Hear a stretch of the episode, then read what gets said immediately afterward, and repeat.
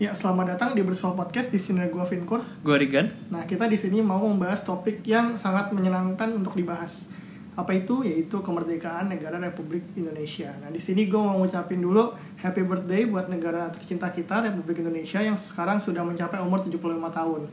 Kita sangat senang di sini uh, akhirnya bisa merayakan perayaan HUT RI yang ke-75 ini walaupun agak berbeda ya, kan? Tahun Hmm, ini hmm, hmm. agak berbeda biasanya Tahun dulu. ini beda, beda banget pokoknya rasanya. Nah, kalau biasanya tahun lalu itu tanggal 17 Agustus 1945 terus selama 74 tahun ke depannya sampai tahun 2019 kita merasakan yang namanya upacara terus ada setelah upacara biasanya kalau di komplek-komplek itu ada lomba misalnya ada juga kalau sebelum atau malam-malam kemerdekaan itu tirakatan yang rame banget biasanya nah sekarang tahun 2020 gara-gara ada pandemi COVID-19 semua rasanya berubah bener-bener berubah. Gue di komplek gue aja kan. Itu sekarang jadi sepi banget kemarin waktu 17-an dan ramenya itu cuma lewat TV waktu itu bokap sama nyokap nonton ada upacara kemerdekaan di istana. Dan itu doang. Sisanya nggak kerasa kayak 17-an pada umumnya. Nah gue mau nanya juga nih kan ke lu. Gimana sih perayaan 17 Agustus tahun 2020 ini menurut lu? Iya menurut gue beda banget ya. Jelas karena uh, ada yang namanya social distancing ini. Orang nggak bisa keluar yang di mana nggak bisa lomba. Dan yang namanya 17 Agustus itu identik dengan lombanya. Jelas ya jelas banget kalau seandainya 17an tuh biasanya gue dulu, dulu tuh ya kalau gue di sekolah pas masih SD SMP tuh uh, ada lomba-lomba tiap pasti nggak 17 ya tanggal 16 atau tanggal 15 nya gitu.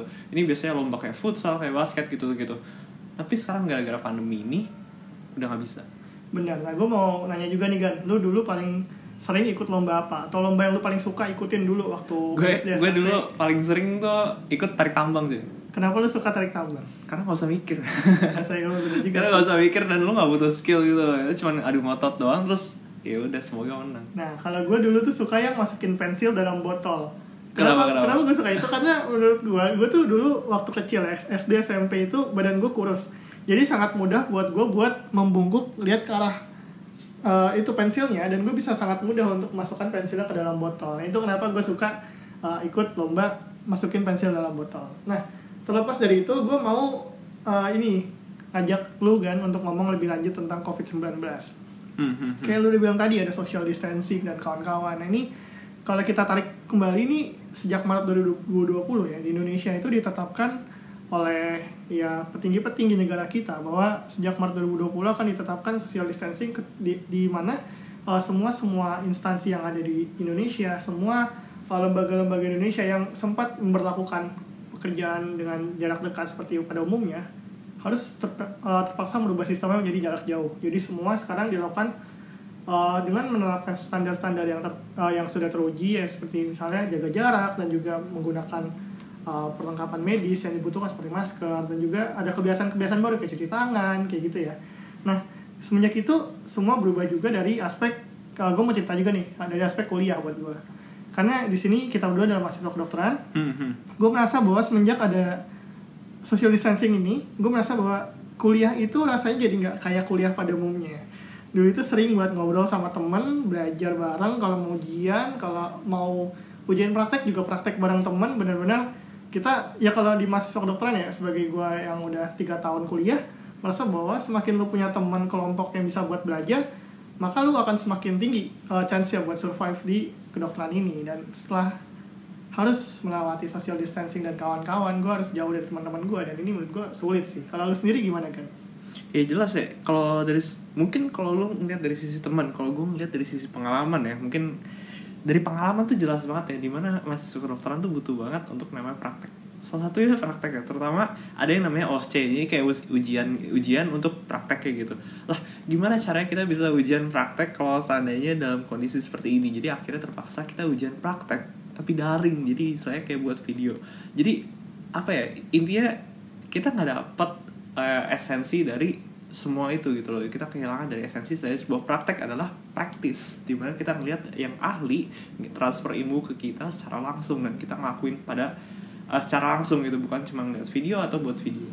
Itu sih yang gue ngerasain. Itu itu yang paling kacau lah Nah, menurut gue banget ya. Jadi emang mau nggak mau gue sama Rigan di sini harus saling beradaptasi ya kan. Kita nggak Iya, bisa iya, iya. belajar kayak dulu lagi. Bener-bener kita harus berubah. Nah ngomong-ngomong tentang perubahan dan kemerdekaan. Tadi kan di awal gue udah bahas tentang kemerdekaan dan sekarang kita mulai membahas tentang perubahan semenjak COVID-19 ini berlangsung ditetapkan yang namanya social distancing kayak tadi. Di mana sebelumnya kita bisa belajar dengan bebas, kita bisa bermain dengan bebas, kita bisa melakukan aktivitas kita semua dengan bebas ketemu orang di luar. Tapi sekarang semua itu udah nggak bisa. Demi apa? Demi ya demi Indonesia untuk melawan COVID-19 ini ya. Kita nggak muluk-muluk lah alasannya cuma itu doang.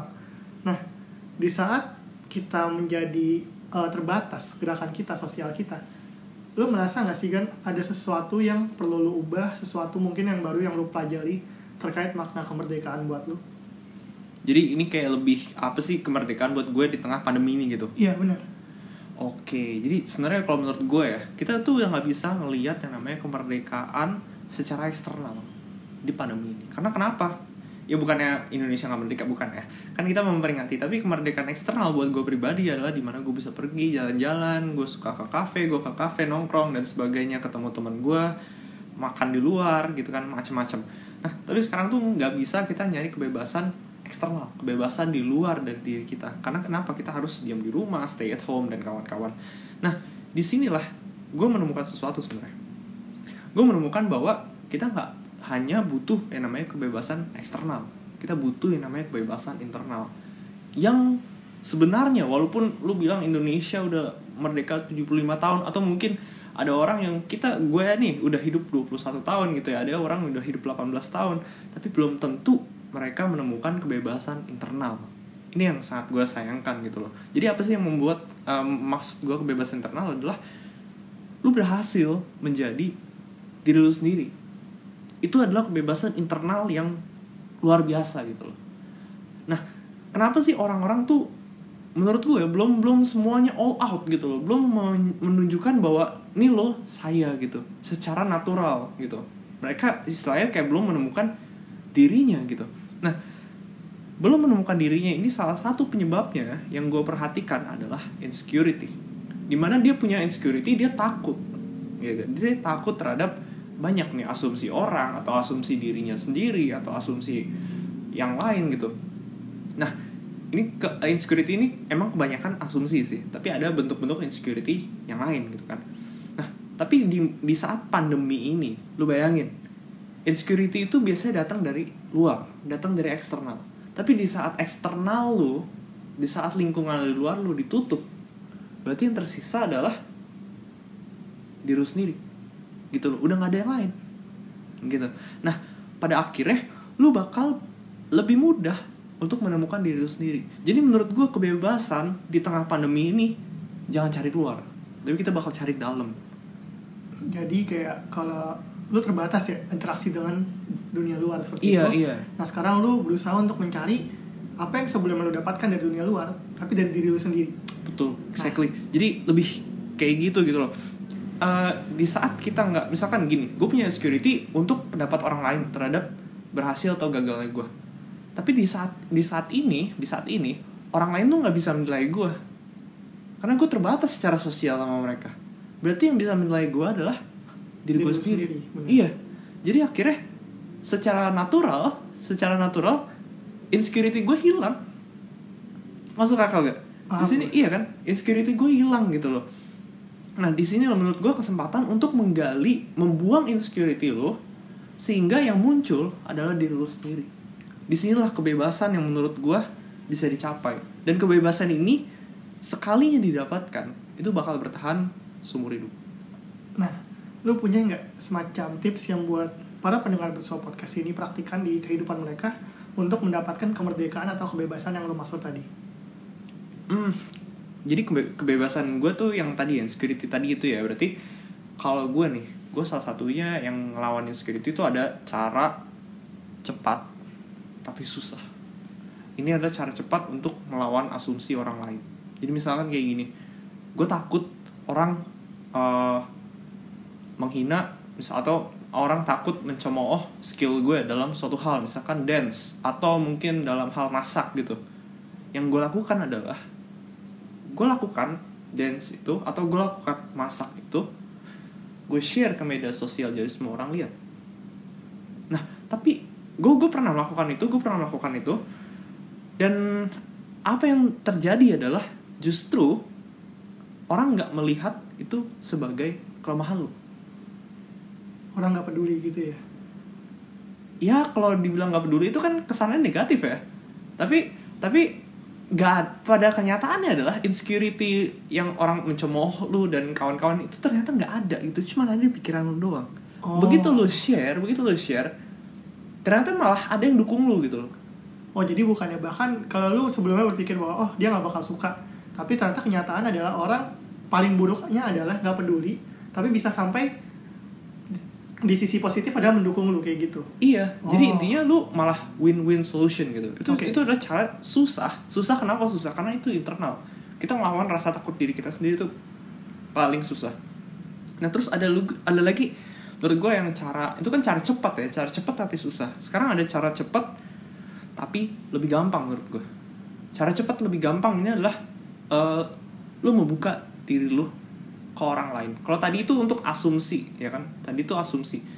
Yang sekarang ini eh, cara cepat eh cara cara lama tapi lebih lebih gampang menurut gue adalah lu cerita ke orang lain, ke teman lu yang dekat mau denger eh, denger semua keinginan lu gitu. Ini mungkin lebih lama untuk melawan asumsi lu karena lu tadi yang tadi berhadapan langsung semua orang yang tadi yang sekarang ini lu berhadapan satu-satu.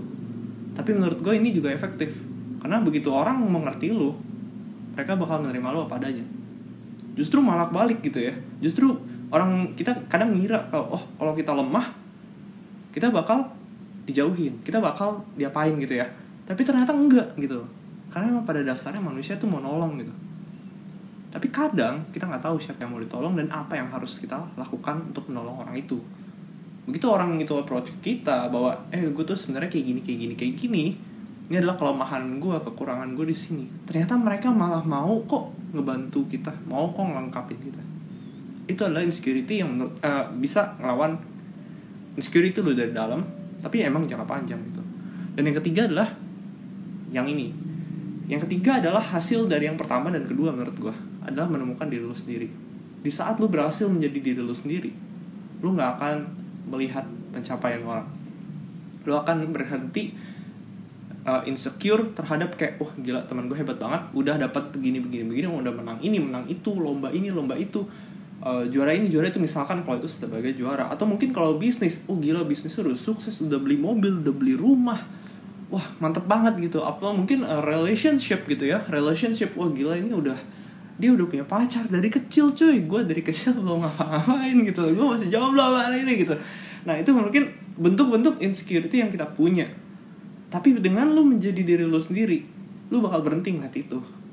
Kayak inilah gue inilah gue dan gue punya jalannya sendiri. Dan itu gue punya tujuan gue sendiri. Orang di situ udah insecurity lu hilang. Kalau lu emang bener menemukan diri lu insecurity lu hilang dengan instan. Jadi ada dua approach. Lu hilangkan insecurity lu buat menemukan diri lu atau lu temukan diri lu. Ins- semua insecurity lu hilang gila keren tapi banget ini ya. yang apa ini yang paling Gue- susah bro Nah, iya, gue Hmm. mengerti uh, tentang aspek insecurity ini karena emang gue adalah orang yang basically insecure di banyak hal ya. Contohnya kayak achievement dan juga tadi yang lu bilang tentang bisnis. Kalau orang udah punya gaji, udah beli mobil, udah beli rumah, gue merasakan itu. Nah di sini mungkin salah satu uh, yang gue pelajari ya. Gue sambil langsung masuk ke apa yang gue pelajari boleh kan? Nah di sini tentang apa yang gue pelajari dari kemerdekaan di masa pandemi ketika gue harus dipaksa untuk mencoba berpikir bebas. Padahal ternyata lingkungan tidak sebebas itu. Ini berkaitan dengan bagaimana cara gue mendefinisikan kemerdekaan di masa lalu. Waktu kecil gue tuh suka beranggapan bahwa merdeka itu artinya adalah bebas di segala aspek. Merdeka artinya lu bisa main bebas berapa waktunya. Kalau dulu gue waktu kecil suka main, waktu SMA gue suka belajar, gue bebas belajar apa aja. Sampai pada suatu titik gue belajar bahwa ternyata kebebasan atau kemerdekaan itu artinya bahkan nggak sebebas itu. Itu pertama kali gue pelajari waktu gue daftar kuliah. Gue daftar kedokteran dan gue merasa takut. Kalau misalnya wah gue belajar kedokteran gue nggak bisa lagi belajar materi-materi yang lain yang gue suka kayak fisika kimia dan kawan-kawan. Tapi apa yang gue lakukan ya gue ambil gue jalanin terus kemerdekaan Eh, fakultas kedokteran dengan berharap bahwa gue bisa mendapat kemerdekaan di situ. Gak jauh dari itu gue belajar bahwa ternyata arti kemerdekaan itu gak sebebas itu bukan artinya artinya kemerdekaan itu gak bebas itu juga bukan. Tapi setelah gue satu tahun belajar kedokteran, tentu gue mempelajari banyak sekali materi-materi atau topik-topik yang bahkan sebelumnya gue nggak tahu ternyata ada dan menarik. Jadi itu topik sesuatu yang sebelumnya gue nggak lihat gue bahkan nggak peduli. Tapi setelah gue dalemin setelah gue baca setelah gue mencoba untuk uh, berdiri di situ dan coba memperhatikan ternyata itu menarik. Dan itu membuat gue untuk belajar belajar belajar belajar belajar terus dan selama 2-3 tahun berikut eh 2-3 tahun satu dan dua tahun berikutnya sampai ke pandemi kemarin gue belajar lagi hal yang sama. Gue takut nih pertama tuh waktu Maret 2020 gue ingat banget gue lagi ngerjain skripsi terus covid otomatis skripsi gue harus berubah waktu itu karena skripsi gue sebelumnya adalah penelitian di hewan coba. Wah gue stres banget waktu itu gue bener-bener nggak bisa eh, nggak uh, bisa normal lagi lah gue menganggap diri gue tuh udah anjir gue udah rusak banget gara-gara ini tapi apa yang gue pelajari ternyata ada hal lagi yang gak gue lihat sebelumnya tapi ternyata ada dan menarik yaitu COVID-19 itu sendiri. Dan sekarang gue di sini mencoba meneliti COVID-19 di mahasiswa. Gue mau mencoba eh, menilai pengetahuan dan perilaku mahasiswa apakah ada hubungannya atau enggak sih. Dan di situ gue menemukan lagi kebebasan yang sebelumnya gue cari-cari. Dan ini pun ternyata tanpa gue sadari uh, ada juga ya di kehidupan gue sehari-hari. Kayak misalnya uh, sebatas ngopi sama temen. Dulu gue seneng banget kalau ngopi sama temen gue merasa bebas. Tapi sekarang kan udah nggak bisa ya. Udah social distancing. Tapi apakah gue merasa nggak bebas lagi? Enggak gue tetap bisa bebas. Di rumah gue masih bisa belajar. Gue masih melakukan aktivitas gue dan yang terlebih penting adalah gue masih bisa bermimpi dan gue masih bisa berharap bahwa Indonesia bisa menyelesaikan COVID-19 ini. Kalau lu tanya ke gue apa makna kemerdekaan buat gue sekarang? Gue memaknai kemerdekaan sekarang adalah kebebasan sama nih kebebasan untuk bermimpi dan mengejar mimpi itu. Karena tanpa lu bisa bermimpi kita manusia nggak akan bisa berkembang. Bagian dari kita hidup di dunia ini adalah berkembang mencapai tujuan kita yang lebih besar dari diri kita sendiri. Dan step awal atau tahap awal yang perlu dilalui pertama adalah bermimpi. Tanpa mimpi lu nggak punya tujuan. Kayak lu mau Google Maps mau ke kampus tapi lu nggak pilih kampus sebagai destination lu. Lu nggak bisa ke mana-mana. Itu sih buat gua kemerdekaan sekarang. Nah gua mau nanya nih ke lu. Kalau lu boleh ngasih encouragement ke teman-teman bersua podcast yang dengerin apa sih yang lu mau sampaikan ke mereka terkait kemerdekaan itu? Kalau gue karena tadi gue ngasih kebebasan internal kemerdekaan internal maka gue bakal kasih encourage ke teman-teman siapa pun yang dengar bersua podcast ini buat nyari atau buat nyari pertama adalah nyari insecurity lu tuh siapa? Apa insecurity lu? Kedua overcome. Lewatin insecurity, insecurity lu satu-satu setelah itu temukan diri lu. Karena mungkin kita ngerayain kebebasan suatu negara setahun sekali. Tapi begitu lu ngerayain kebebasan diri lu lu merayakan kebebasan bahwa ini lo gue lu bakal bebas seumur hidup. Lu bakal merdeka seumur hidup. Lu bakal ngakuin apa yang lu suka lu bakal kejar apa yang benar-benar lu mau kejar tanpa ada pengaruh siapa pun dan pengaruh apa pun. Jadi jadi bener-bener lu doang. Menurut gue itu worth it banget. Nah mantap. Gue sebenarnya setuju sama Igan. Nah kalau lu udah mendapatkan kemerdekaan lu lu harus bermimpi. Lu harus punya mimpi satu. Dan lu harus punya mimpi yang benar-benar mendefinisikan lu. Buat lu untuk capai di kemudian hari. Karena Indonesia nggak akan berkembang tanpa insan-insan muda yang mau bermimpi yang lebih besar dari diri mereka itu dari gue mungkin kita tutup aja kan siap siap, siap. terima kasih buat teman-teman yang udah dengar bersama podcast sampai saat ini kita berdua sangat mengapresiasi dukungan kalian kalian mau ingin diskusi bareng kita bisa langsung uh, kunjungi Instagram kita di @bersuapodcast dan juga join di Telegram kita t.me slash bersuapodcast kita pamit undur diri, gue Vinkur. Gue Regan. Sampai jumpa di Bersama Podcast episode selanjutnya.